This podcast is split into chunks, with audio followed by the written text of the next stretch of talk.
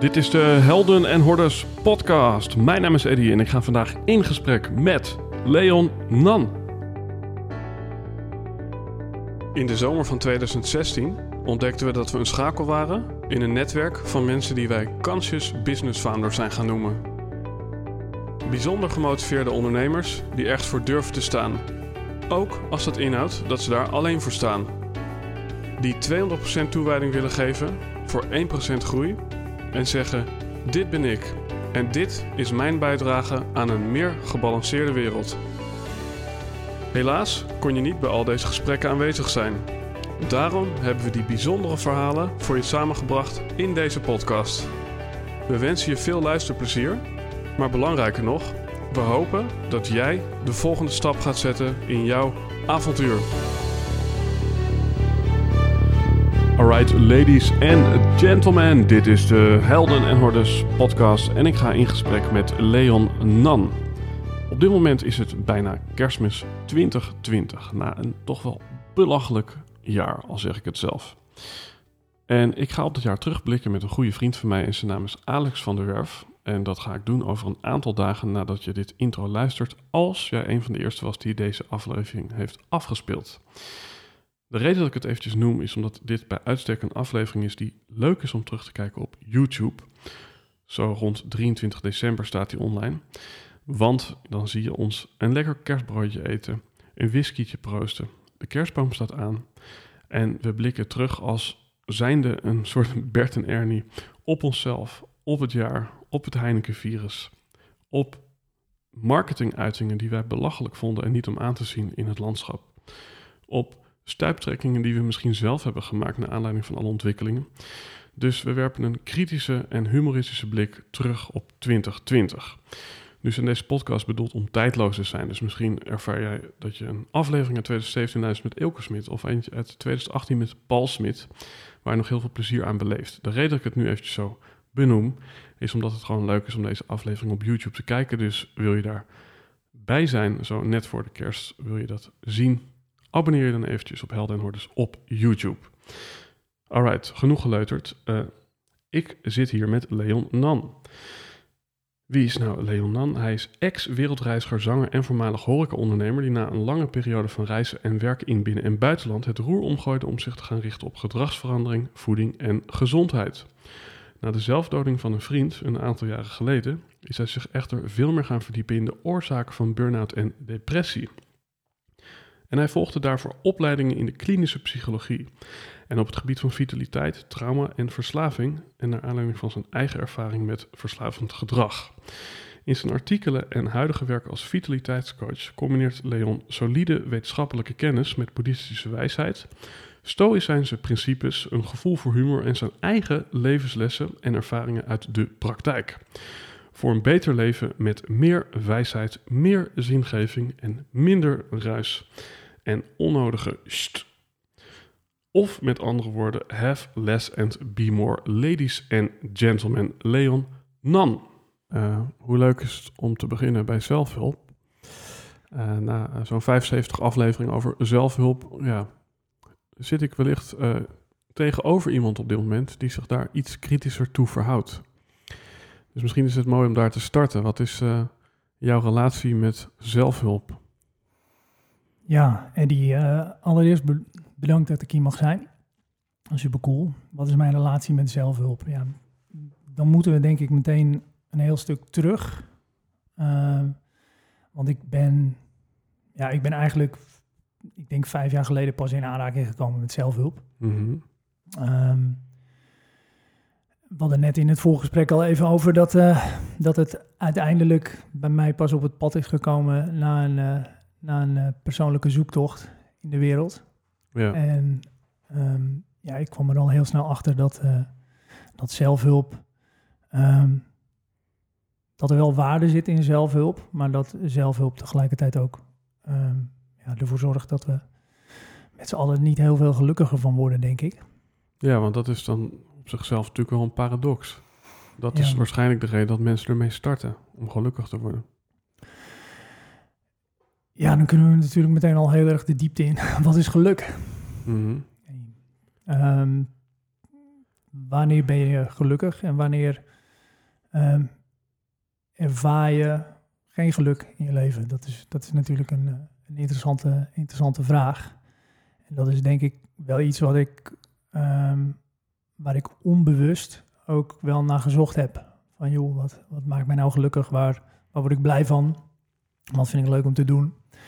En ehm, ik gaf net in het voorgesprek al even aan dat ik, dat ik eigenlijk de, de, de, de gebruikelijke weg die heel veel mensen volgen, Mhm. ehm, omgedraaid heb. Eh, en ja, het eigenlijk van een hele andere kant ben, eh, ben aan gaan vliegen. Ehm, zelfhulp kwam bij mij eigenlijk aan het einde, eh, terwijl heel veel mensen daar denk ik starten, of in ieder geval ergens halverwege in rollen. Kwam het bij mij pas na een zoektocht in de wereld, in de spiritualiteit. En kwam ik daarna pas in aanraking met de bekende boeken, ja, voor jouw luisteraars waarschijnlijk, de, de Think and Grow Rich en de, de goeroes, de Anthony Robbins, de, de Michael Pilatschik hè, van, ehm, van Nederland. Ja, De, ik kan me herinneren dat jij iets gedaan hebt met eh, de jongens van 365 dagen succesvol. mhm. eh, die eh, van, eh, van Nederland het gelukkigste land eh, ter wereld willen maken. Ja, die boodschap, die, eh, ja, ik, weet, ik denk dat we daar met z'n allen niet heel veel gelukkiger van worden. kijk, dat zijn eh, de lekkere, lekkere teasers. Ja. Ja, want ehm, even eventjes terug naar, oké, jij bent dus ja, in jouw woorden wat later eh, begonnen met die zelfhulp. Denk dat er ook nog eh, heel veel mensen zijn die er überha- überhaupt nooit aan beginnen, maar dat even terzijde. En waarom begon jij dan? Als je nu eigenlijk zegt van, wellicht word je daar niet heel veel gelukkiger van. Ehm, ja, dat is een goede vraag. Ehm, uiteindelijk ben ik er, ik ben er uiteindelijk ingerold, omdat ik ehm, aan een derde carrière begonnen ben als coach. Mhm. Ik heb hiervoor hele andere dingen gedaan. Ehm, ik heb niet heel erg goed voor mezelf gezorgd. Dat op een gegeven moment merkte ik dat ik daar, dat ik daar problemen, of in ieder geval een probleem mee had. Ik wil niet zeggen dat ik er Mhm. problemen, eh, dat ik er echt problemen van had. Maar ehm, op een gegeven moment kwam ik er wel achter dat ik ja, niet zo goed voor mezelf zorgde. Dus ik wilde daar, eh, ik wilde daar absoluut iets mee doen. Eh, en ja, mijn persoonlijkheid, de aard van het beestje, dicteert ook dat als ik me ergens in vastbijt, dan en ik wil iets snappen of begrijpen, dan duik ik daar ook helemaal in. Ehm, dus ik heb best wel ehm,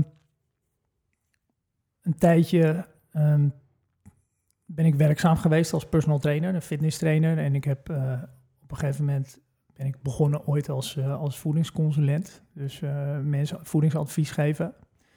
Ehm, en dan kom je er al heel snel achter dat, dat ehm 10% van de mensen die je, die je helpt, die, die kan je heel goed helpen en die volgen jouw advies op. Eh, maar 90% die kan helemaal niks met dat advies. Of ehm, Waarom niet? Dat was voor mij ook een hele grote vraag. Van, joh, hoe kan dat nou? Want de informatie die klopt.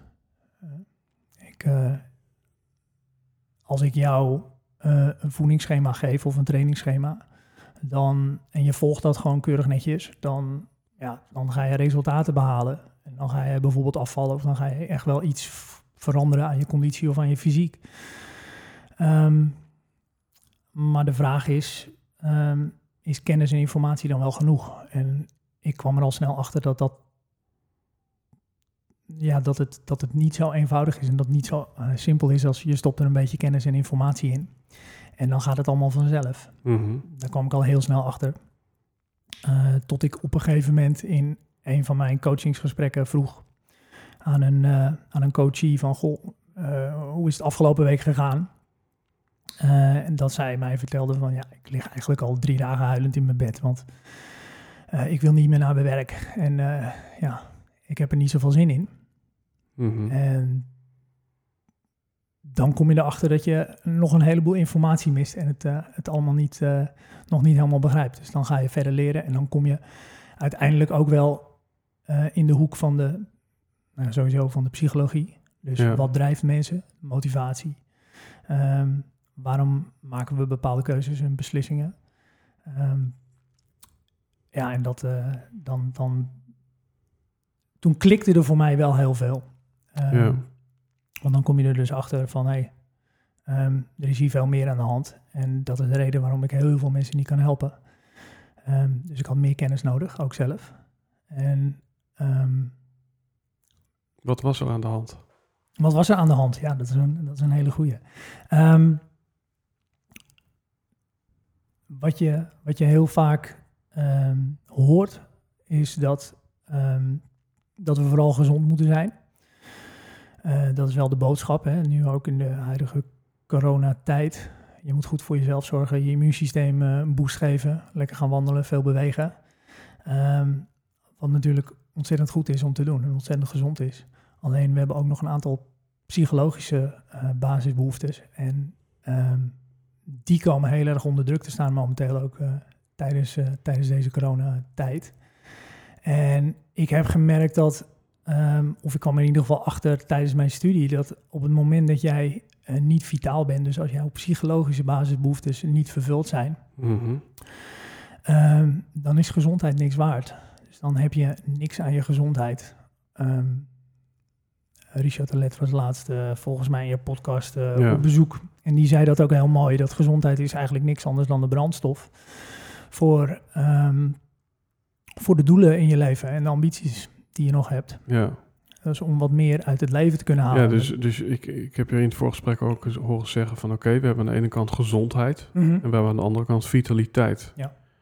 Nou, dan is gezondheid eventjes... Uh, ja, je hebt een, wij spreken een auto die goed functioneert... Kan ik zeggen dat vitaliteit dan is, uh, waar wil je met die auto naartoe? of, of zeg ik dat nu heel raar? Nee, nee, ik denk absoluut dat dat, uh, dat, dat, uh, dat het wel een hele mooie metafoor is. Um, dat um, vitaliteit gaat heel erg over wat voor jou het leven de moeite waard maakt. Dus dan komen we al heel snel op een stukje zingeving. Weet je, mm -hmm. doe je dingen die je die jouw leven zin geven. Dus ja. uh, heb jij zin in je dag? En als jij aan het overleven bent, dus je bent niet vitaal, dus het tegenovergestelde van vitaliteit, dan, um, ja, als jij geen zin hebt in je dag, dan is je gezondheid niet heel veel waard. Mm -hmm. Dus um, om even terug te komen op jouw metafoor. Weet je, als jij een hele mooie Mini Cooper uh, buiten, buiten zet. Uh, en je hebt geen idee wat je daarmee mee moet. Of, of je hebt je rijbewijs niet. Ja. dan is het ontzettend mooi ding om te hebben. Ja. Om naar te kijken. Ja. Maar ja, je kan er niet zo heel veel mee. Ja, dus eerder hadden we het over die dame die dan drie dagen huilend in bed lag. Dus die had misschien geen motivatie of ja, zingeving. En was alleen maar bezig met ja, dat lijf verbeteren. Mm -hmm. En dan begonnen we uh, iets eerder in deze uitzending met de heren van 365 dagen succesvol. Ja, als, als voorbeeld van ja, volgens mij is er iets in die formule ook nog niet helemaal compleet. Waarom is die vorm van, uh, nou ja, van geluk zoeken wellicht niet zo uh, ja, dienend? Wat, wat, wat, ontbreekt er volgens jou na, na alles wat je hebt geleerd? Um ja, sowieso um, denk ik dat je uh, geluk niet kan vinden. Geluk is iets, uh, en dan wordt het misschien wat meer filosofisch en spiritueel. Mag, mag. Dat mag in deze podcast, ik ken de podcast. Um, ja, geluk zit in jezelf. Dus en wij worden natuurlijk wel, als het ware, geprogrammeerd met het idee dat het geluk in de wereld te vinden is. En dat we uh, heel erg op zoek moeten gaan naar, uh, naar het geluk. Um, maar ja, in principe, en dit zeggen heel veel spirituele leraren, dat uh, de wereld gaat je niet gelukkig maken. De, alle antwoorden zitten in jezelf. Mm -hmm. En ik heb dat zelf ook wel ervaren, ja. Dus ik ben, ik ben zelf ook een, een, een, een, zoeker, zo omschrijf ik mezelf ook. Alleen um, waar ik twintig jaar geleden nog dacht dat het in de wereld te vinden was. Um, omschrijf ik mezelf nog steeds als een zoeker, maar... Waar zoek je dan wel naar? Um, het is niet zozeer dat ik nu op zoek ben, maar meer dat ik gewoon heel veel voldoening haal uit het vinden van antwoorden in mezelf. Ja. Eh, mezelf beter leren begrijpen, vooral. Dus wat is de houding van een zoeker? Ehm, de houding van een zoeker Wat, is... wat typeert een zoeker? Wat typeert een zoeker? Sowieso nieuwsgierigheid, kritisch denken, openstaan voor verandering. Eh, niet dogmatisch zijn in je doen en laten. Ehm, dat is iets waar ik, eh, waar ik ook eh, niet heel erg goed op ga. En wat ik ook predik, als ik iets predik in mijn, in mijn coaching, dan is dat het wel. Dat je vooral niet dogmatig moet zijn en vooral niet eh, heel erg moet vasthouden aan je oude, oude overtuigingen en je oude waarden. Mhm. Maar dat je vooral op zoek moet gaan naar een nieuwe waarheid, die op dat moment veel beter voelt voor jou. En wat dat dan is, dat, daar wil ik absoluut van afblijven. Ja. Dat, is, dat is heel persoonlijk. Ehm, maar om terug te komen op je vraag, denk ik dat. Ik, hadden het ook eh, in het voorgesprek over de helderreis. Ik heb onbewust de helderreis, dus een boek van eh, Joseph Campbell. Ehm, ik heb onbewust heb ik die, eh, die helderreis heb ik, heb ik wel bewandeld. Ehm, zonder dat ik dat eigenlijk door had. En daar, Ja. daar ben ik uiteindelijk wel achter gekomen. Zou je daarmee kunnen zeggen dat mensen ook zelfhulp, hè? Je hebt natuurlijk mensen die daar een bewuste keuze maken en dat is aardig gematerialiseerd. Dus dan staat er een ja, een reeks boeken in de kast, waaronder Seven Habits of Highly Effective People, Ja. eh, De kracht van het nu en Think and Grow Rich. Maar goed, dat is natuurlijk een soort van hele obvious soort van een zelfhulpzoektocht. Zou je kunnen stellen dat zelfhulp, maar ook de reis van de held, dat eigenlijk iedereen die per definitie in het leven maakt? Of is dat niet zo? Ik denk het wel. Ik denk dat dat, ik denk dat als we dan. Ik, ik ben een groot fan van Carl Jung. Carl Jung, eh, psycholoog, Mhm. psychiater, die, ehm, die, die ziet ehm, zelfkennis ook als ja, zelfrealisatie, zelfverwerkelijking, hoe je het ook wil noemen, als eh, ja, een van de ehm, belangrijkste dingen die je als, als mens kunt doen. Dus jezelf Ja, beter leren kennen, jezelf beter leren begrijpen. Ehm, ja, en, en dus, dus, dus wanneer maakt die zelfhulp dan ongelukkig en wanneer maakt die zelfhulp gelukkig? In jouw bewoording. eh, in mijn bewoording is dat vooral, zit hem dat vooral in de houding die je hebt tegenover. ehm, dus als we kijken naar zelfhulp, gaat het vooral om de, ehm, om de manier waarop je eh, in het leven staat. Dus, en ik zei, dat, eh, ik zei dat net al eventjes, dat als, we, als je heel erg gaat streven naar geluk, dan word je daar niet gelukkiger van. Nee. Eh, als je heel erg gaat streven naar, eh, nou, laten, we, laten we zeggen, geld. Mhm. Dat is natuurlijk wel een hele belangrijke hier eh, in de westerse samenleving. Dan, ehm, dat is een bodemloze put. Want ja, wanneer, wanneer heb je genoeg geld? Dat is, dat is, dat is niet te zeggen. Ehm, het streven ernaar, ik denk dat het daar misgaat, vooral bij mensen. Ja. Ja. Want maakt geld gelukkig? Eh, ik denk het wel. Vroeger zeiden we tot Ja, op eh, eh, vroeger zeiden we tot op zekere hoogte. Ehm, ik heb onlangs een interview met Ab Dijksterhuis, dus, Ja. de, de, de zogenaamde geluksprofessor, die zegt Ja. het gaat vooral wat je ermee doet. Dus, dus wat doe je met dat geld en waar geef je het aan uit? Dat bepaalt uiteindelijk of, het, of je Ja. er gelukkig van wordt. Dus streven naar geld maakt ongelukkig. Streven naar geluk maakt ongelukkig. Maar geluk maakt wel gelukkig en geld maakt ook gelukkig. Juist.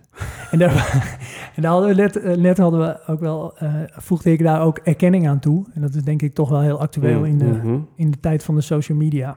Waarin we heel erg op zoek zijn naar likes. We zijn heel erg op zoek naar ja, de beste versie van jezelf worden. Ehm, En toch Ja. heb ik ook wel eens eh, Tibor horen zeggen, dat is al een tijd geleden, dat groei een ingrediënt is voor een gelukkig leven. Dat dat het toch ook wel in ons DNA zit om te willen groeien. Hoe, hoe verhoud jij je tot het woord groeien? Ehm, daar ben ik het wel mee eens. Ik denk dat, dat groei ontzettend belangrijk is. Persoonlijke groei, persoonlijke ontwikkeling. Uh, ik denk, um, ja, zoals we dat in mijn opleiding zo heel mooi, uh, mooi, mooi zeggen, is groeien met functionele integriteit. Dus groeien om het groeien is kanker.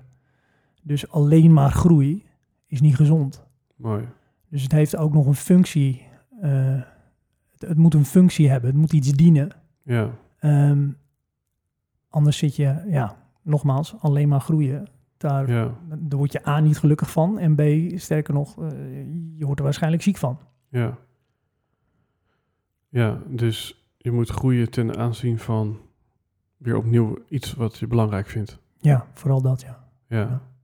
En moet je ook snoeien?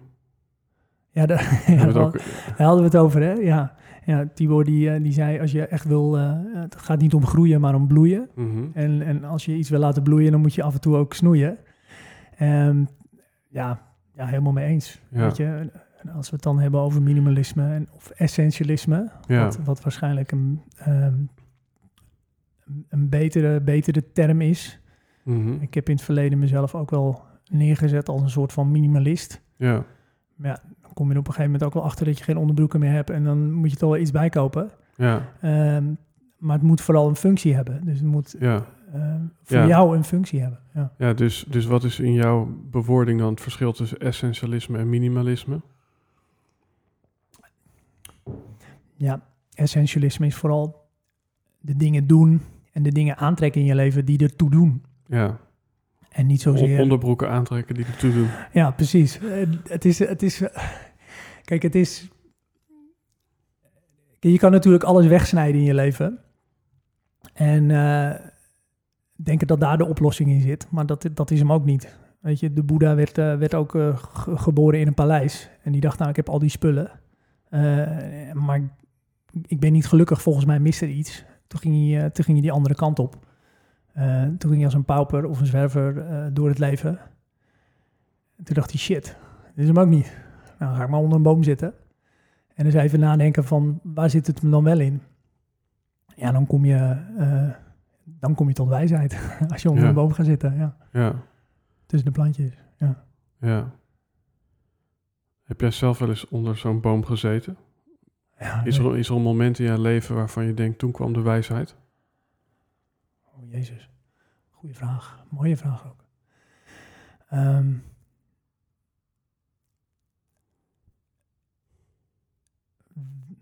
wijsheid komt sowieso met de jaren. Dat is, een ontzettende cliché. Um, maar goed, ook clichés hebben heel veel waarde. Um, maar alleen als je ze geleefd hebt. Ja. Dus um, ik moet nu denken aan een... Uh, elke, elke zondag ga ik bij mijn ouders. En dan hebben ze zo'n hele mooie West-Friese spreukenkalender uh, ja. op het toilet. Dus dan ga je naar het toilet en dan kijk je naar die, uh, naar die spreukenkalender. En dan staat er een spreuk op. En die probeer ik altijd te internaliseren. Van klopt dit? Ben ik het die mee eens? Um, anders wordt het, ja, worden het van die tegelwijsheden. Mm -hmm. um, maar je moet hem ook geleefd hebben. Dus je hebt pas... Dit is, uh, dit is een uitspraak van, uh, van Jordan Peterson, een bekende Canadese psycholoog. Die zegt, -hmm. een cliché is pas waar als jij hem geleefd hebt. Tot die tijd is het gewoon uh, een cliché. En heb je er nog geen recht op. Ja. Um, Wat op zichzelf ook weer een quote is die over een paar jaar een cliché is. Ja, tuurlijk. Zo gaat dat. Um, maar om terug te komen naar je vraag, ik denk, ja, ik ben sowieso wijzer geworden. Ik denk dat we dat allemaal uh, um, worden naarmate we ouder worden. Ja. Je, leert, uh, je leert dingen in een beter perspectief plaatsen. Uh, weet je, als, je, als je... Wat is de grootste, ja, dat is misschien een hele lastige vraag ook weer hoor, maar ja, wat, wat, wat, is, wat is een denkfout of wat zijn denkfouten die je hebt gemaakt? Want je bent nu geloof ik 40 jaar. Ja, 42 jaar. 42. Ja, dus dan heb je misschien overtuigingen gehad of aannames gedaan, mm -hmm. die proberen te leven. En toen kwam je erachter, oh nee, het is eigenlijk net anders. Het zit eigenlijk net zo. Of ja, dus uh, bij wijze van spreken, uh, die nuance die je net beschreef, is het verschil tussen geld maakt wel gelukkig, maar Mhm. streven naar geld niet. Mm. Heb Ja. je in die categorie ook nog andere, ja, een soort van nuances ontdekt? Wat je mensen zou willen meegeven? Nou ja, nu, nuances, nuances misschien niet, maar ik, ik, ik kan je wel terug, uh, terugbrengen naar het moment dat ik um, tijdens een van mijn reizen, ik heb heel veel gereisd, uh, tussen mijn, nou, ongeveer vanaf mijn 23ste tot aan bijna mijn 33ste, dus bijna tien jaar lang uh, de wereld rondgezworven. Ik heb niet alleen maar in het buitenland gezeten, ik ben ook tussendoor um, gewoon weer in Nederland geland altijd een half jaar gewerkt en dan weer een half jaar uh, um, verdwenen. Mm Dat heb ik best lang volgehouden. Um, en ergens in Thailand, uh, op een van mijn reizen, kwam ik uh, in aanraking met een, uh, met een Canadese jongen die, die mij. Um, die tegen mij zei van, joh, je moet, je moet dus naar een Vipassana meditatie. Dus ik weet niet of jij, heb jij nee. bekend met Vipassana meditatie? Nee, ik, uh, ik moet eerlijk toegeven dat ik deze afslag gemist heb. um,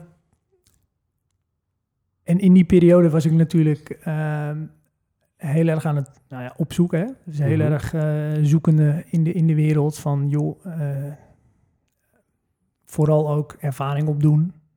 Mhm. Weet je, Een uitspraak die ik, uh, die ik, ja, min of meer mijn mantra is, het leven leert je leven. Dus ja, ga er maar op uit en ga maar leren. En wees maar nieuwsgierig, hè, nogmaals. Um, dat is overigens ook een karaktereigenschap. Ja. Openstaan voor verandering. Sommige mensen die, uh, die hebben daar totaal geen behoefte aan. Daar kunnen we misschien straks nog even over hebben. In mijn, uh, Mhm. in mijn coaching uh, hecht ik daar heel veel waarde aan. Um, want je hoeft mijn leven niet te leven, maar het leven, je eigen leven leven. Um, en die jongen die zei van, je, ja, je moet dus, je moet dus uh, of je moet niks, maar uh, het zou, uh, het zou voor jou wel wat zijn om, om een Vipassana meditatie te gaan doen. Um, toen stond ik echt aan, het, aan de beginperiode van, ja, een soort van transformatie van roken, vlees eten, drinken, naar een wat sportievere versie uh, van mezelf. Mm-hmm. Een wat gezondere versie uh, van mezelf. Um, en dat, uh, dat, dat, dat, dat is heel lang, heb ik daar geen gehoor aan gegeven. Dat is, dat is dan echt zo'n zaadje dat geplant wordt en dat moet dan, dat moet dan groeien. Mm-hmm. In de spiritualiteit zeggen ze ook altijd dat, het, het, het, weet je, when the, when, the, when the student is ready, the teacher appears. Iets in die trant. Um, dus ik heb er heel lang niks mee gedaan, totdat ik op een gegeven moment een soort drang kreeg om, uh, ja, om, het, om, om, daar iets mee te gaan doen. Ik had geen idee waarom. Het was puur nieuwsgierigheid. Het was ook niet zo dat ik echt, echt vastliep of zo. Het was ook niet uh, dat ik echt heel veel pijn had of zo, uh, dat mijn leven niet zo leuk was. Maar dat was puur interesse, puur nieuwsgierigheid. Toch ergens door geraakt, denk ik. Ja, en dan ga je tien dagen in zo'n retreat zitten en dan krijg je eigenlijk na een paar dagen krijg je een soort van klap met de hamer. En dan denk je... Wat was die klap? Nou, dan, dan, dan, um, dan kom je er dus echt achter dat dat wereldbeeld wat je hebt opgebouwd, dat dat, dat, dat gewoon 180 graden anders zit. Mm-hmm. En dat is heel... dat is, ik weet het nog steeds. Dan, uh, ja, dan, ik moest daar, ik weet wel dat ik daar heel hard om moest lachen en tegelijkertijd een soort van, ja, kut, kut, kut, kut, weet je, dat idee, weet je wel, dat je, shit, er klopt geen reet van, maar dit klopt. Het is, het is, ja, ik noem dat dan, in mijn coaching noem ik, noem ik dat inzicht. Kijk, je kan alle kennis van de wereld hebben, maar als je geen inzicht hebt, dan ga je niet veranderen. Dan gebeurt er niks. En toen ik daar zat, um, toen kwam ik gewoon tot een, tot een inzicht en dan verandert gewoon alles. Dat is, dat is... Kan je daar woorden aan geven? Um, kan het hooguit omschrijven, kan het beschrijven, maar uh, het is een gevoel. Ja. Dus het is een ervaring. Het is ook, dat wordt ook gezegd hè, op het moment dat je, dat je daar zit. En dit is van niemand. Dit is, uh, dit is ook geen dogma. Dit, dit zijn geen regels. Dit is gewoon het draait 100% om jouw ervaring. Het draait om wat jij hier meemaakt. Alles is goed. Weet je, het kan niet fout. Want daar, uh, ja, Als we dan toch hebben over de stem in je kop. Mhm. Die vindt van alles. Die vindt dat het goed is of slecht Ja, is. dat is interessant, dat het, hè, want- het fout is. Maar het kan niet fout. Nee, En toch voelde je, wat ik nu ervaar klopt. En Ja. wat ik daarvoor leefde niet. ja. ja. ja, mooi hè? Ja, Dus kijk, kijk, het, het- kijk dat, dat, dat ego, jij, jij, hebt je natuurlijk ook verdiept in spiritualiteit, dat, dat ding vindt overal wat van. Weet je, je, Mhm. kan, je kan niet, niet oordelen. Dan, weet je, als je niet kan oordelen, je, je moet oordelen. Dat, is gewoon, dat, dat zit gewoon in je DNA. ja, Weet je, anders dan. Ja, daar heb ik ook over nagedacht. Van, nou ja, weet je, dan, dan ga, ik het, ga ik echt het spirituele pad op. Ehm, ja, dan ga je op een gegeven moment oordeelloos door het leven. Nou, dat zie je ook. Dat zijn mensen die zitten stil op een kussentje en die doen niks meer. Ja, Ehm, daar heb ik een tijdje over nagedacht, maar toen dacht ik, ja, nee, ik vind het, ik wil terug de matrix in. ja, Weet je, ik wil toch wel hier, ja, dit spelletje, dit, dit spelletje spelen. Ja. Dat is toch een leuk spelletje. Maar wat je vooral ziet als je, als je, als je dan zo'n meditatieretreat ingaat, dan kom je dus achter dat het dus, het is maar een spelletje. Mhm. Dus jij neemt jezelf zo serieus. Ik had wel, nu ik dit zo zeg, ik ben daar waarschijnlijk wel ingerold omdat ik echt een boos mannetje was. Agressief. Ehm, niet dat ik altijd agressief was, maar wel dat ik er geen controle over had. Dus Mhm. dat ik mezelf, ja, ik kon echt gewoon echt heel boos worden. ja, Had ik als kind al. En op het moment dat je, dat je dan erachter komt dat ja, de waarheid zoals jij die de eerste 30 jaar van je leven hebt geleefd, dat die anders is. Ja, dan, dan, dan ja, dat, dat, dat vond ik wel een, eh, een, een, een, een, mega eye-opener. En toen was het voor mij ook in één keer helder. Het is, het is in één keer zo van, oh wacht, daar komt die, dus die, daar komt die boosheid vandaan. Dat is ego, dat, dat, dat is oké, dat is klaar. ja. Ja. Ja. Kun je ook, vraag ik me dan af, hè, toch doorgaan met destructief of niet dienend gedrag als je het inzicht hebt gehad of hebt gezien dat het helemaal nergens op slaat om daarmee door te gaan? Of is er eigenlijk na die ervaring die jij daar had geen andere optie dan een nieuw, beter leven te leiden? Nu moet ik voorzichtig zijn, denk ik. Eh, voor mij werkte het wel zo. Ja, Ja. En ik zie dit wel in mijn coaching. Dat als ik een goed gesprek heb, stel dat jij bij mij in de coaching zit en ik coach jou en we hebben een goed gesprek, dan kan Mhm. ik zien dat het, ja, ik, ik, ik noem dat dan dat spreekwoordelijke kwartje. Als ik, als ik zie dat dat kwartje valt, Mhm. dan, dan weet ik dat er wat gaat veranderen. Volgens mij was het Einstein, maar dat weet ik niet. Alles wordt toegeschreven aan Einstein, maar die zei als je altijd hetzelfde doet en een andere uitkomst verwacht, dan eh, ben je krankzinnig. ja, Eh, en dat is feitelijk, denk ik, ook waarom mensen naar een coach gaan. Omdat ze zichzelf telkens ja. dezelfde dingen zien doen, waarvan ze denken, joh, waarom doe ik dit in godsnaam? Dan komen we op het stukje coaching. We hadden het net ook over die meditatiedocent. Mhm, Ik noem hem even docent. Maar je kan ook zeggen mentor of leraar. mhm. En daar zit volgens mij ook een nuance. Omdat Ja. je wel eens iets hebt gezegd over je ouders en de rol die die vervulden. Ja.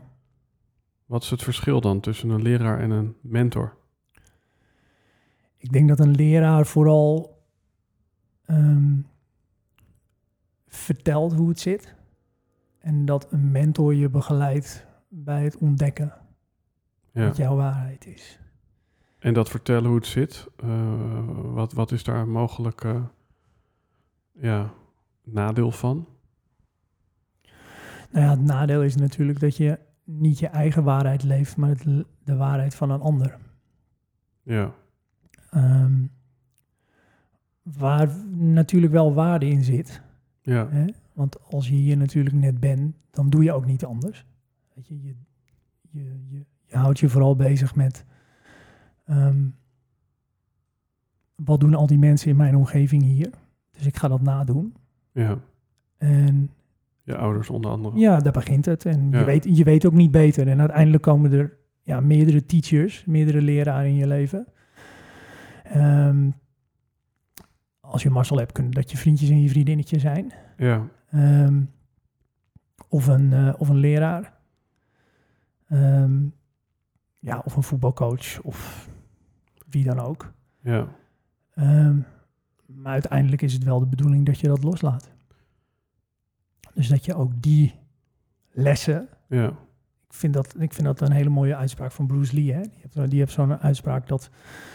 Ja, eh, I can teach you karate, maar kijk vooral naar wat nuttig is voor jou en disregard the rest. Dus haal eruit wat voor jou als waar voelt.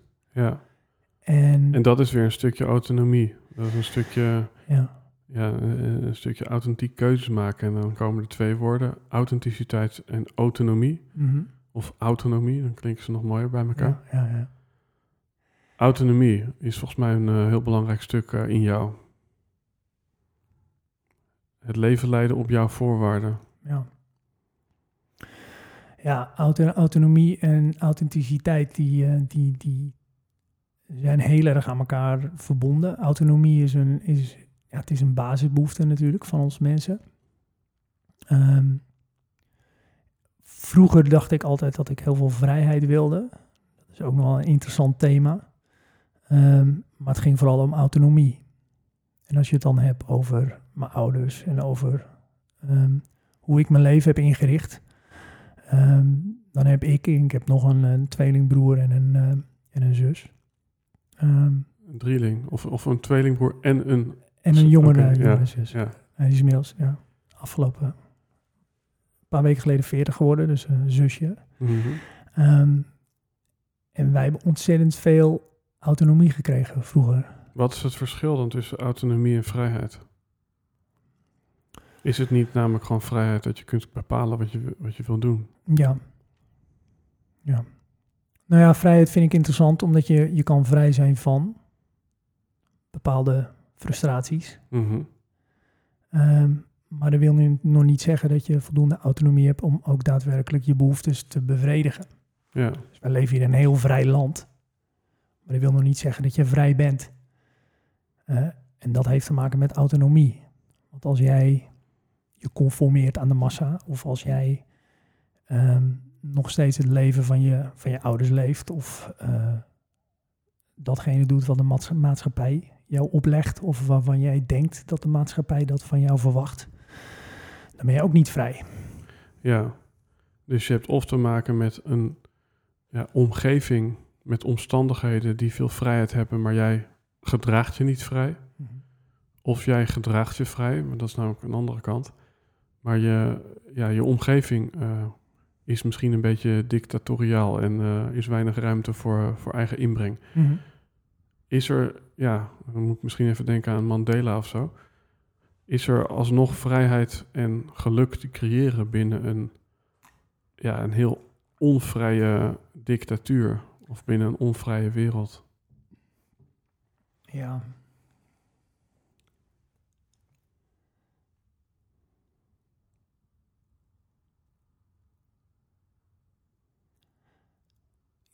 ja, ja, ja dat, is, dat is een interessante, zo'n complexe vraag. Mm -hmm. uh, ik heb ook het boekje van, uh, van um, Viktor Frankl gelezen. Ja. Man's Search for Meaning. En ja, daarin omschrijft hij ook heel mooi dat je altijd een bepaalde mate van vrijheid hebt. En hij heeft het dan met name over ja, de manier waarop je in het leven staat. Ja, want hij zit in een concentratiekamp ja. en nou ja. Hij is alles behalve vrij. En dat was Nelson Mandela natuurlijk ook. Mm -hmm. Dus alles behalve vrij. Alleen, um, het maakt niet uit uh, als, je, als je gevangen zit.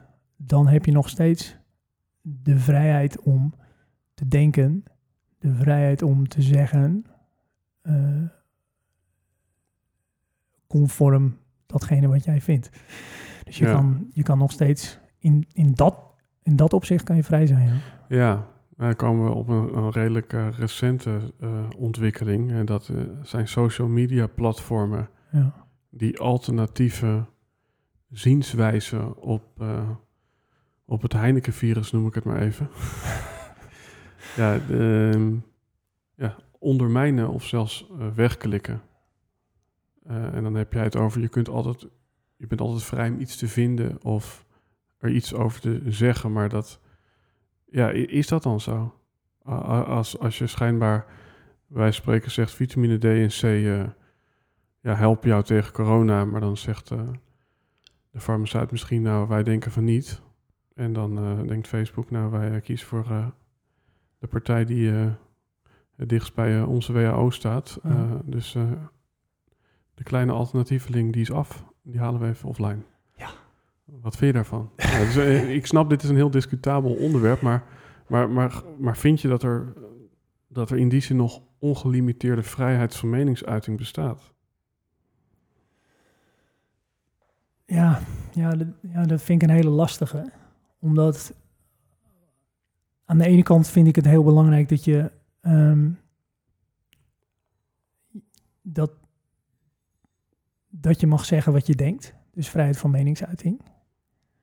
Um, maar ja, er bestaat ook nog zoiets als uh, uh, de wetenschap.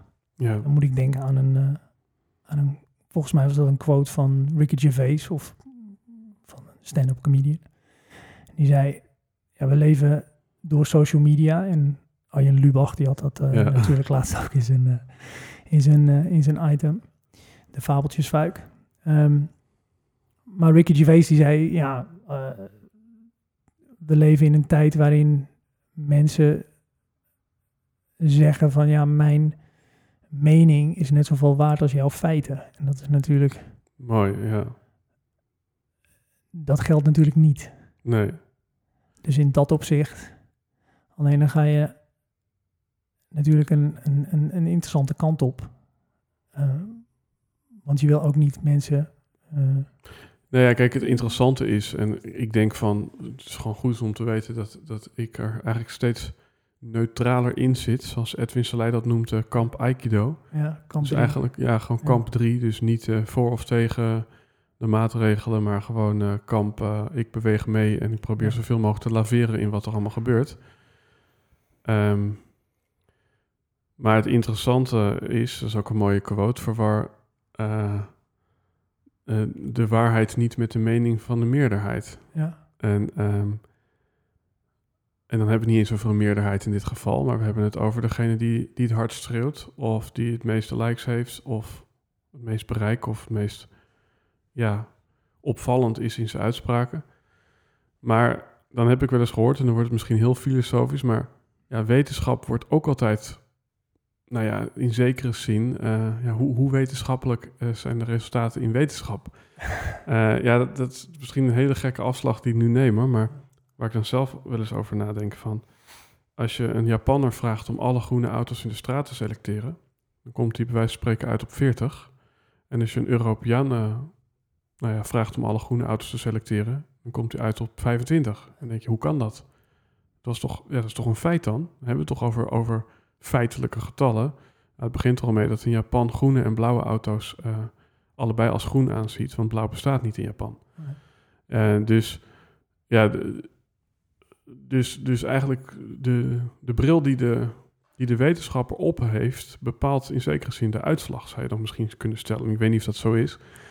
Maar ik denk dat het heel moeilijk is om iets helemaal wetenschappelijk te maken. Ja, dat is, ja, ja, ik ben ook absoluut geen wetenschapper. Absoluut niet. Weet je, ik ben, uh, ja, wat ik, ik zeg wel eens, ik ben een leerling van het leven. Dus ik ben absoluut niet uh, de expert daarin. Uh, ik weet wel dat wetenschap gaat sowieso over waarschijnlijkheid. Dus nooit ja. over bevestiging. Het gaat Nee. nooit over dit is de waarheid. Ja. Eh, nogmaals, het is...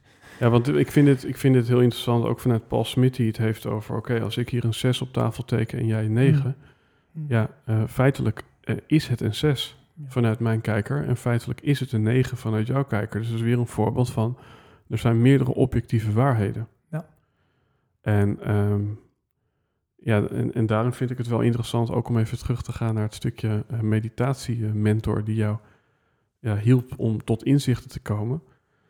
Ja, waarvan je toen voelde van, hé, hey, dit, is, dit is de waarheid. Maar je- zou je niet ook kunnen zeggen, dat was een 9, maar ik kan ook zo weer intunen met, met die ene 6 die ik de afgelopen 30 jaar had geleefd.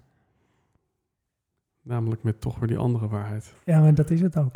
Ja, Weet je, dat is, dat is het. En we leven door social media, le- leven we ook in een, ehm, weet je, die verhalenmaker in je hoofd, die, die wil vooral overleven. Dus die wil zeggen, is dit goed, is dit slecht? Die Ja. wil graag iets één kant op duwen. En dan komen we toch weer uit bij dat verhaal van de Boeddha. Dat is natuurlijk een trucje van het ego dat zegt, nou, het zit hem niet in de spullen. Dan zit het hem vast in geen spullen. ja. Nee, dat is hem ook niet. Nee. En het leven, daar ben ik, als we het dan toch over wijsheid hebben, het leven is Ja. één grote paradox. Dus, weet je, ehm, de, de, de wereld van de dualiteit, dat is waar je leeft. Dus Mhm. het is het allebei. Dus het is Ja. en die zes en die negen. En dat vind ik wel een heel mooi bruggetje, want ik denk Maar inderdaad dat, ik, dat ja. ik vanuit een negen heb geleefd. En dan kun je er dus voor kiezen om een andere levenshouding aan te nemen. En te zeggen, nou, vanaf nu zit het zo. Ik heb geen idee of dat zo is. Ja.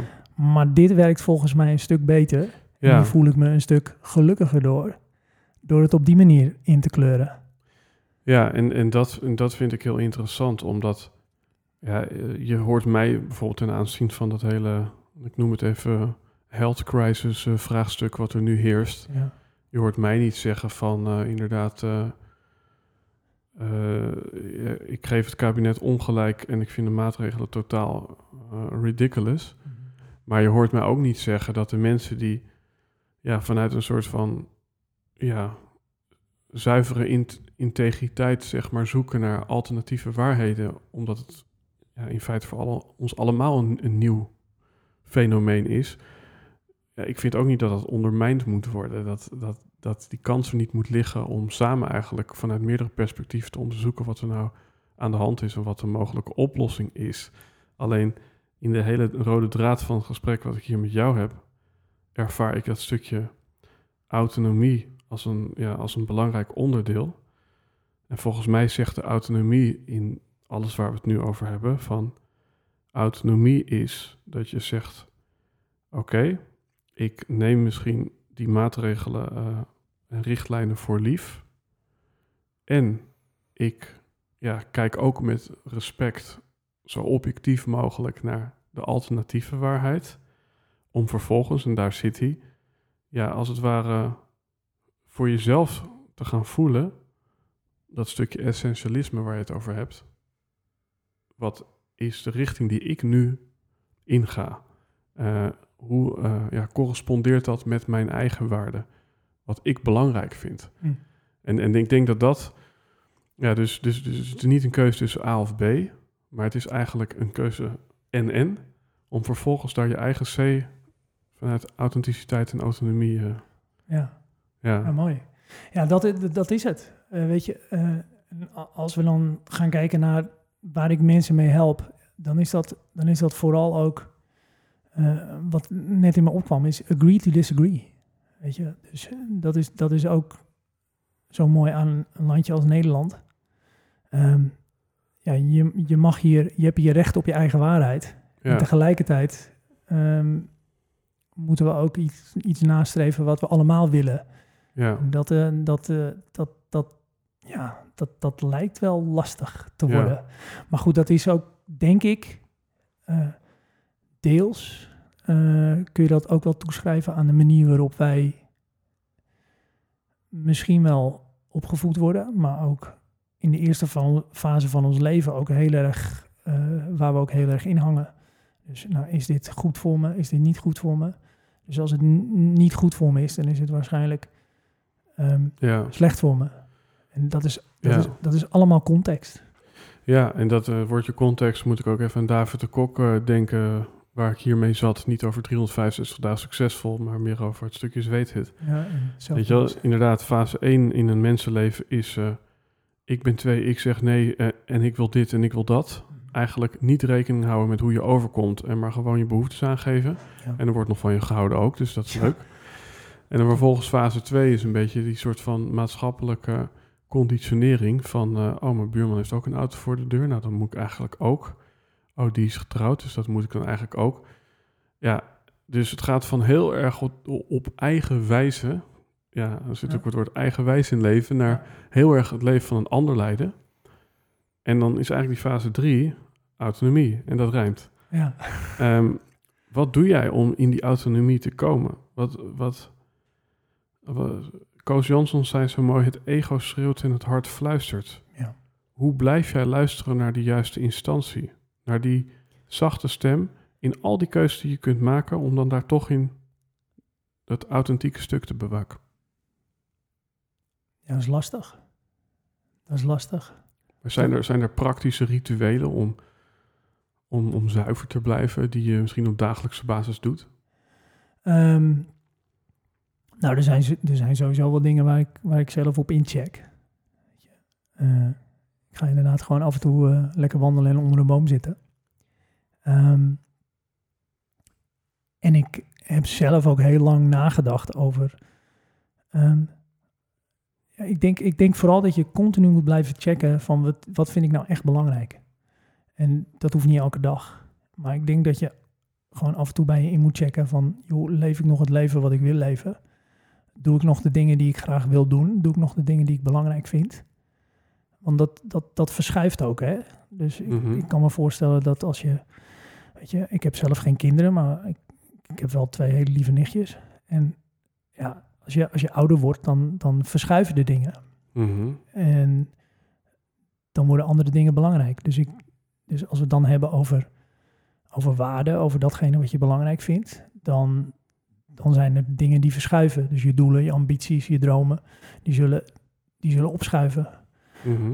Maar waar ik eh, zelf heel erg over nadenk en ook waar ik met heel veel van mijn cliënten aan werk, is: ja, maar wat zijn nou jouw basiswaarden? Jouw, Ja, wat verschuift er niet? wat verschuift er nou niet? Wat is nou de core van jou? Wat is nou jouw being, jouw karakter?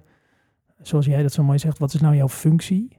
Weet je, wat zijn jouw sterke kanten? Ja, En hoe kunnen we daar vanuit dat stuk doelen gaan zetten? ja, En dan ga je dus vooral kijken naar van, oké, wat heb ik nodig en wat heb ik te geven?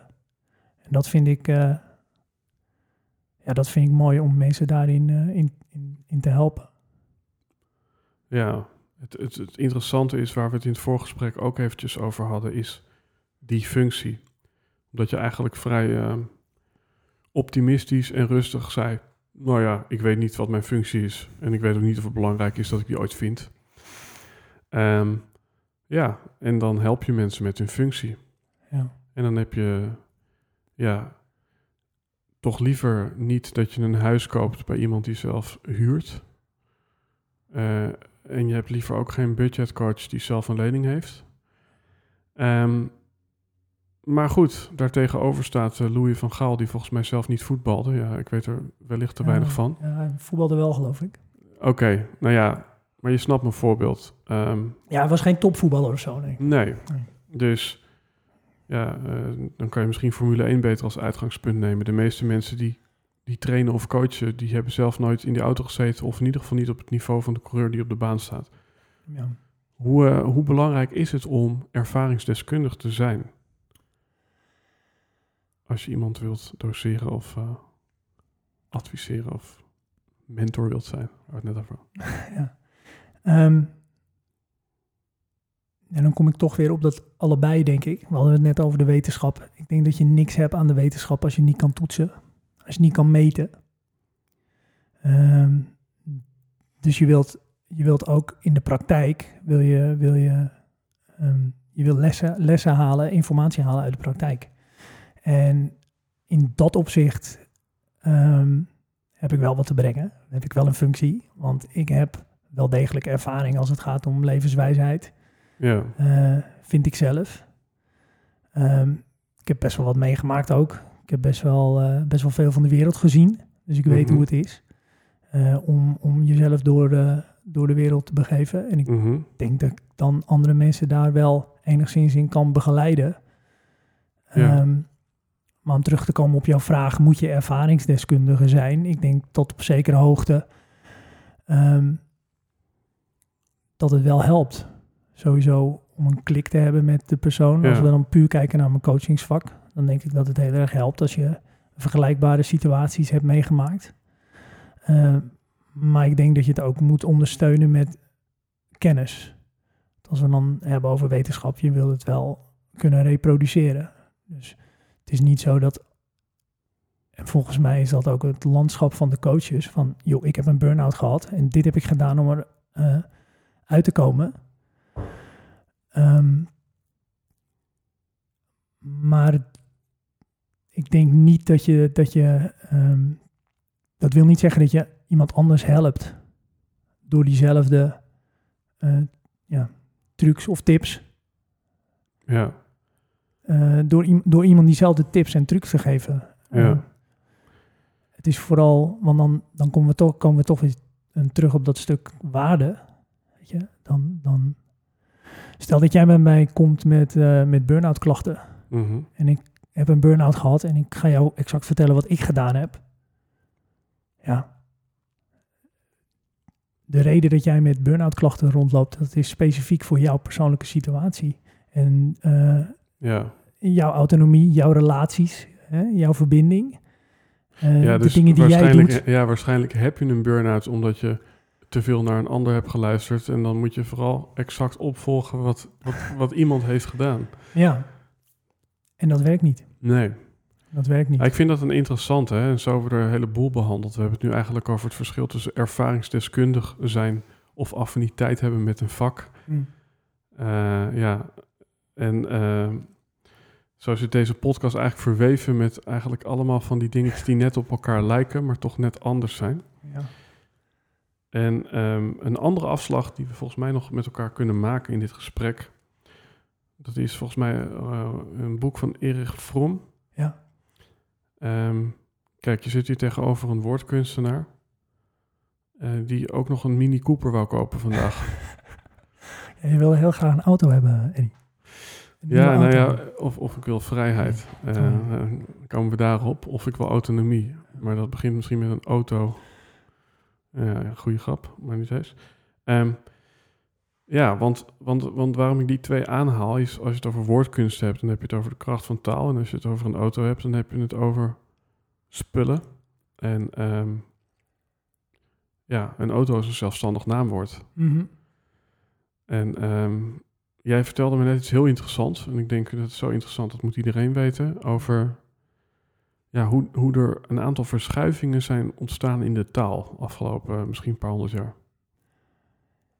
Ja, ja, ik zit momenteel in, een, in het werk van Erik Fromm. Erik Fromm was een, uh, ook een psychotherapeut uit de jaren zeventig. En die, en die zei toen al dat wij...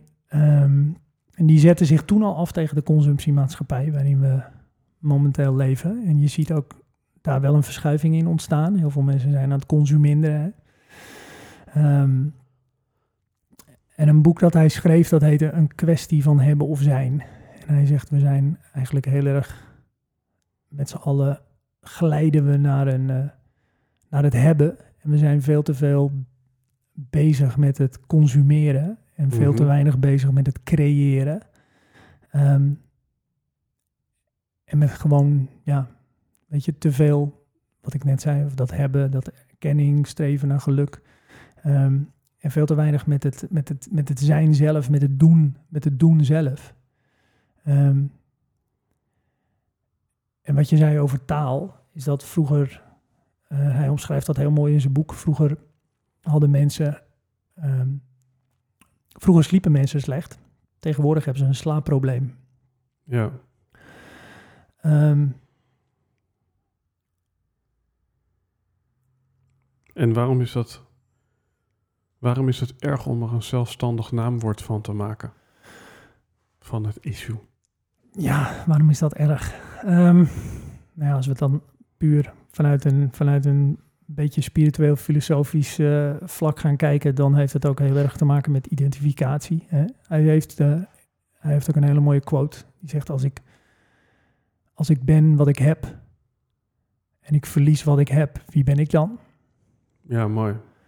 Dus uh, als jij je status, dus jouw, jouw eigenwaarde ontleent aan de dingen die je hebt, dan, uh, dan ga je absoluut in de problemen komen op het moment dat je vindt dat je nog niet genoeg hebt. Um, en om nog even terug te komen op het feit dat jij een hele mooie Mini Cooper wil gaan aanschaffen. de vraag die, die, die dan in mij op zou komen en waar dus Erik Fromm zich mee bezighoudt is, wil je auto rijden Of gaat het om de auto zelf? Gaat het om de ervaring? Of gaat het om het product? Ja. En, en dat vind ik een ontzettend interessant thema. Ik heb dat, ik heb nogmaals, ik zit midden in zijn werk en ik, dus ik ben daar nog niet helemaal, ik heb dat nog niet helemaal helder. Ik kan het misschien nog niet helemaal goed verwoorden, maar ik vind dat wel super interessant. Ook als ik dat, eh, als ik dat koppel aan mijn werk als coach en aan, ehm, op het gebied van waarden zijn er natuurlijk een aantal waarden die je kunt uitstralen, uh, die, je, die, je, die je kunt naleven, die veel meer gaan over jouw talent, over jouw eigenschappen, over jouw uh, karakter, over jouw functie. En daarbovenop heb je waarschijnlijk ook nog ambitie. Mhm. En zijn er ook nog dingen die je, die je wilt doen of die je wilt hebben. Alleen dat is. Um, er zijn waarschijnlijk ook nog een. Die, die, die, die basiswaarden, dat zijn, dat zijn eigenlijk de voorwaarden waarop jij graag wil leven. En als je dat om gaat draaien, dan ja, ga je daar volgens mij niet gelukkig van worden. Worden het nawaardes? Ja, ja absoluut. Ja, ja wat, wat is denk jij de reden? Ik kan me voorstellen dat ook dit een lastige vraag is, daarom stel ik hem ook aan jou en uh, hoef ik hem zelf niet uh, te beantwoorden. Maar wat is de reden dat we toch zo makkelijk vervallen in het consumeren en niet in het creëren? Waarom hebben we inmiddels niet geleerd dat we twee of meer aardes nodig hebben om alles te kunnen doen wat we nu aan het doen zijn en dat soort dingen? Ja, dat is, uh, dat is inderdaad een hele lastige vraag. Ik denk vooral ook dat het. Ik denk dat de wereld van de media, dus niet alleen de social media, ik denk dat dat ook wel begonnen is met de tv, de komst van de tv, waarin ja, we uitzonderlijke mensen, uitzonderlijke producten mooie spullen, mooie dingen uh, aan de man ja, proberen te brengen. Mm. En daardoor een soort, dat is, dat is denk ik ook een soort eigen leven gaan leiden. Ik denk, uh, ik denk sowieso dat we, dat we heel erg de neiging hebben, en dat geldt natuurlijk met alles, om door te slaan. Dat herken ik bij mezelf ook heel goed. Dan, je, dan heb ik nog nooit gemediteerd en dan heb ik geen idee wat meditatie is. En dan ga ik tien dagen in een meditatiecentrum zitten. Gewoon 16 uur per dag op een kussentje en uh, gewoon verder helemaal niks. Um, dat zit ook wel in de aard van mijn, uh, van dit beestje, hoe ik Mhm. geprogrammeerd ben. Um, dus ja, ik denk dat we daar altijd voor moeten waken. Niet te veel naar links, niet te veel naar rechts. Ja, Het, het middenpad, hè, zoals ze dat zo mooi zeggen in, uh, in, de, in, de touw, ja, in het Taoïsme en in het Boeddhisme. De middle Mhm. way. Daar ben ik wel, uh, ja, daar ben ik wel uh, zo, sowieso fan van. ja. Maar goed, om terug te komen op je vraag. Ik, ik heb daar. Ik, ik denk dat social media daar een hele grote rol in speelt. Of de media zelf, tv. Ik denk dat. ehm, Wat is het verschil? Dat is misschien ja, van de ene kant overduidelijk, maar gewoon ja, hoe jij dat zou beschrijven, ben ik benieuwd naar. Wat is het verschil tussen creëren en consumeren? ehm, ja, ik denk, ik denk vooral. Ik vraag, ik vraag eh, vaak aan mensen: leef je van binnen of naar buiten? Van binnen Ja. naar buiten of van buiten naar binnen? En ik denk dat dat het cruciale verschil is. Dat op het moment dat jij de wereld gaat gebruiken. Volgens mij zei Patrick Kikker dat in een van je live podcasts. Dat, dat wij.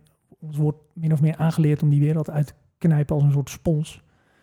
Ehm, en daar ontlenen we dan onze eigen waarde aan. Ja, En ja want ik, ik wou namelijk zeggen van, hè, als je dingen bezit, dan maak je jezelf daarmee speciaal. En het gaat er ook waarschijnlijk vaak om dat je juist iets hebt wat een ander niet heeft, waardoor je als het ware hoger in de hiërarchie komt.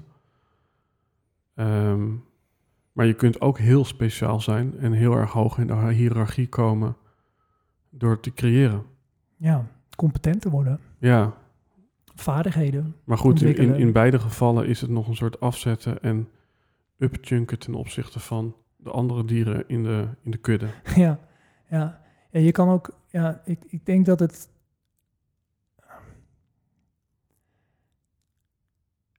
Volgens mij, volgens mij is dat ook een, een uitspraak van, van Kofi. Ik denk dat het, dat het heel zuur is als je heel erg competent ergens in wordt.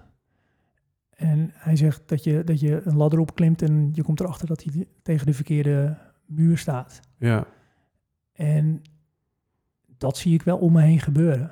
ja.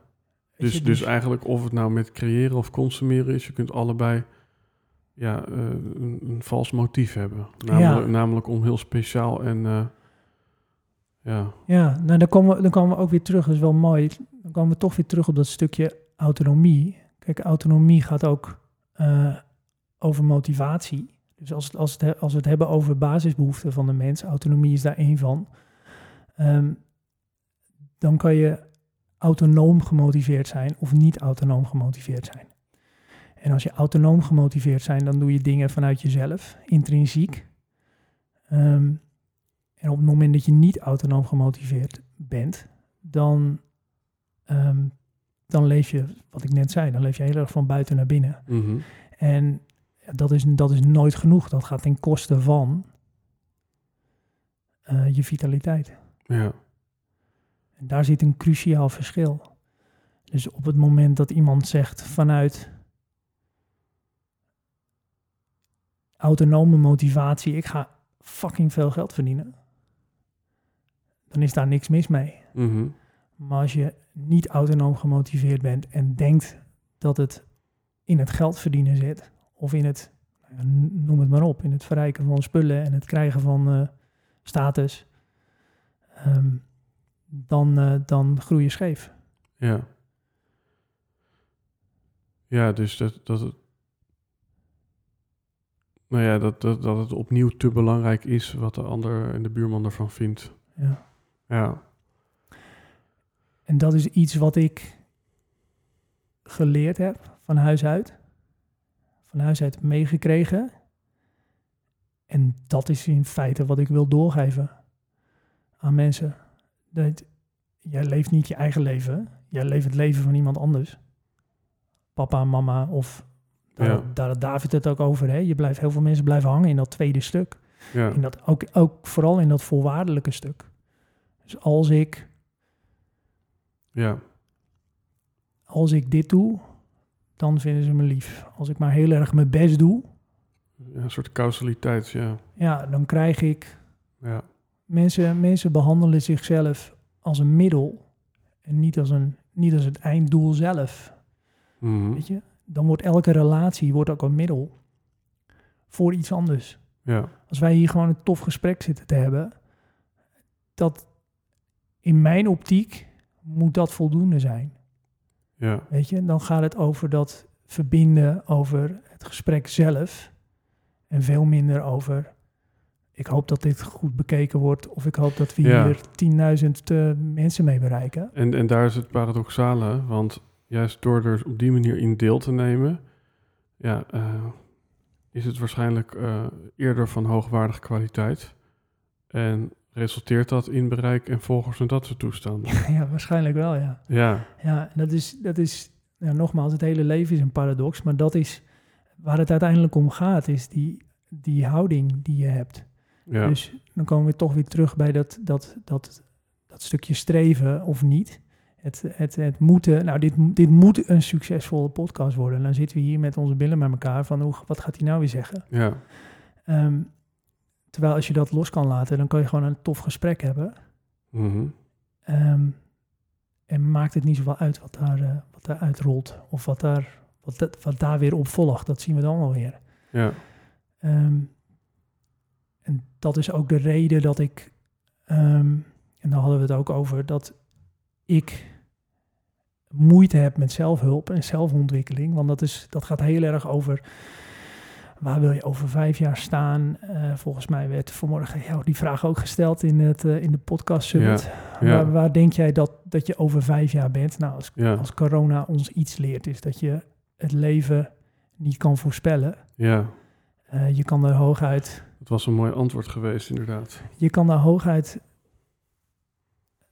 eh richting aan geven, dat geloof ik wel. Dat is absoluut. Hè? Dat, is, dat, dat, dat, dat, hoor je natuurlijk wel vaker. Het leven is Mhm. maakbaar. En er zijn steeds meer mensen die opstaan die zeggen: Nou, nou, nou, ja, maakbaar. Het is stuurbaar. Ja, Eh, ik geloof daar ook in. Weet je? Ja. Ik, geloof, ik geloof absoluut dat je, weet je, als ik, eh, ja, als ik, als ik, als ik naar het zuiden was gereden, was ik hier nooit aangekomen. Dus ik heb echt wel controle in het spelletje zelf. Heb ik echt wel, Ja. heb ik echt wel opties. Heb ik echt ook, eh, Maar het is in- interessant, want ik denk inderdaad, wat was mijn antwoord ook op die vraag over vijf jaar? ja, Het, het zat hem veel meer in een, in een houding, denk ik, ook mijn antwoord. Eh, wat ik ervan herinner is dat ik iets zei van... ik wil eigenlijk het artistieke in het ja, bijna belastingblauwe ja, ondernemerslandschap gaan brengen. Eh, daar letterlijk en figuurlijk kleur aan geven. Maar dat, dat is niet zo van, nou, over vijf jaar kan ik daar een turfje bij zetten. Ja, daar, dat is, het is dat- een houding die ik nu al aanneem. Ja, maar dat vind ik zo mooi. Want als we, als we dan hebben over doelen stellen, dus op het moment dat je voor jezelf een soort levenshouding hebt, dat je zegt, nou, weet je, dit ben ik, dit zijn mijn waarden, dit vind ik belangrijk, dit is wie ik ben, dit is mijn karakter, dit, dit hoort, dit is de aard van het beestje. Ehm, en van daaruit ga je, ga je doelen stellen, maar, maar je gaat je vooral bezighouden met het proces en niet met, met het einddoel. Dus je gaat je vooral bezighouden met het creëren en niet met wat gaat me dit over vijf jaar opleveren. Het is Ja. natuurlijk wel belangrijk dat je weet, het is natuurlijk wel belangrijk dat het je iets op gaat leveren. Dus eh, alleen, ik denk dat het heel erg, ehm, Transactioneel is geworden. ja, en het wordt heel erg nadelig op het moment dat je, daar, dat, je dat in een vaste vorm eh, giet. Dus Ja. van, ja, ik, ja, over vijf jaar moet het dit zijn. Ja. dan dat maakt je, denk ik, en ik ben een groot voorstander van, van gewoon flexibiliteit, dat je gewoon flexibel blijft. Mhm. Want anders ga je heel erg je best doen om, om, om, om dat bootje hè, op je. Ja. Dat, dat, dan, dan drijf je een beetje mee met de rivier en de rivier gaat rechtsaf en jij gaat wanhopig proberen om dat bootje naar links te krijgen. En dan, ja, Ja. Dat, dat kost je bakken met energie. Maar er is binnen die flexi- flexibiliteit is er wel ook een, een oog in de storm, als het ware, toch? Mhm. Want daar hebben we het nu ook de hele tijd over, Ja, over het stukje authenticiteit. Mhm. Dus je moet zo flexibel zijn als Barbapapa, maar, eh, maar heel erg eh, diep in jezelf zit er ook iets, en dat is een beetje waar jij voor staat. Ja. Waaromheen je eigenlijk al die vormen kunt aannemen. Ja, absoluut. Ja, er is een, er is een core en die, ja, ik, ik zeg ook wel, weet je, jij, kijk, de, de taak van ieder mens, denk ik, is om je, je eigen bootje zo sterk mogelijk te maken. En hoe die route eruit ziet, dat is, dat is niet zo relevant. Ik denk dat vooral je best doet, dat je je best doet om jezelf te ontwikkelen, jezelf beter te leren kennen. En dan vooral te weten wie jij bent, waar je voor staat, wat je, eh, waar je op aangaat, wat je energie Ja. kost, wat niet. Ja, En op het mooi. moment dat je dat helder hebt, dan kan je in elke rivier Ja. En, en, het, en het zo sterk mogelijk maken. Ik eh, moet even denken aan een eh, vliegtuig eh, Instagram post die ik had gemaakt. Een vleugel van een vliegtuig is heel flexibel. Ja. Dus de sterkste vleugel buigt mee. Ja, ja, ja. ja. Ja, Het is, eh, je bootje moet, eh, ja, moet niet van, eh, van rubber zijn, maar moet wel flexibel genoeg zijn. ja, Dat is het mooie voorbeeld van de, van, de, van de eik en de palmboom, of het riet, dat dat gewoon meebuigt met de wind. ja, En ja, doet me ook weer denken aan zo'n hele mooie uitspraak van eh, eh, in het boeddhisme, not too tight, not too loose. Dus, dus ehm, op het moment dat je natuurlijk, dit, het, is, het is belangrijk dat je iets, dat je iets vastpakt, mhm, maar je moet ook ehm, tegelijkertijd bereid zijn om de teugels los te laten. ja, Zodra je denkt, nou, volgens mij gaan we de verkeerde kant op. Ik laat die teugeltjes los en ik ga er weer even afstand nemen, hè, wat ik zei. Dat je gewoon weer even zo bij jezelf incheckt. mhm, Volgens mij heb jij hier wel ervaring mee. Dat je bij jezelf incheckt en eventjes afstand neemt. En dan denkt, nee, wacht even. Mijn, mijn hoofd zegt dat ik rechtsaf moet, maar mijn lijf schreeuwt aan alle kanten. Fluistert eigenlijk, hè. ja, Ehm, of ik geloof dat ja, het hart fluistert, zeggen ze, maar ik geloof dat het lijf schreeuwt. Weet je? Eh, dat, dat zie je ook aan mensen met overmatige stress of burn-out klachten. Weet je? Er komt al meer pijn in je lijf, vaak. Het begint met spierpijn of een beetje migraine. Tot, eh, ja, tot heftige somatische klachten aan toe. ja, En dan snappen we niet van, ja, je bent niet door je enkel gegaan. Dus hoe kan dat nou dat ik pijn heb in mijn, in mijn lijf? ja, dat is gewoon, jouw lijf schreeuwt dat je de andere kant op moet. Dat je dingen doet die niet kloppen. ja. welke fluisterende, want we zitten alweer uh, ruim het uurtje rond. Oh, man. Welke, welke ja, het, het lijf schreeuwt. Uh, wat zou jij willen fluisteren op een, uh, op een mooie billboard langs de weg of op een mooie wallpaper op mensen hun iPhone?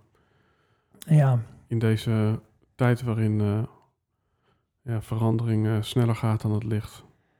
Ik heb hier natuurlijk stiekem over nagedacht. Want ik heb zo'n beetje al je, al je afleveringen wel, wel geluisterd. Sommige wel twee keer zelfs. Er zitten echt, echt hele mooie wijsheden in. Dus wat dat betreft zal ik dat denk ik nog, nog lang blijven doen.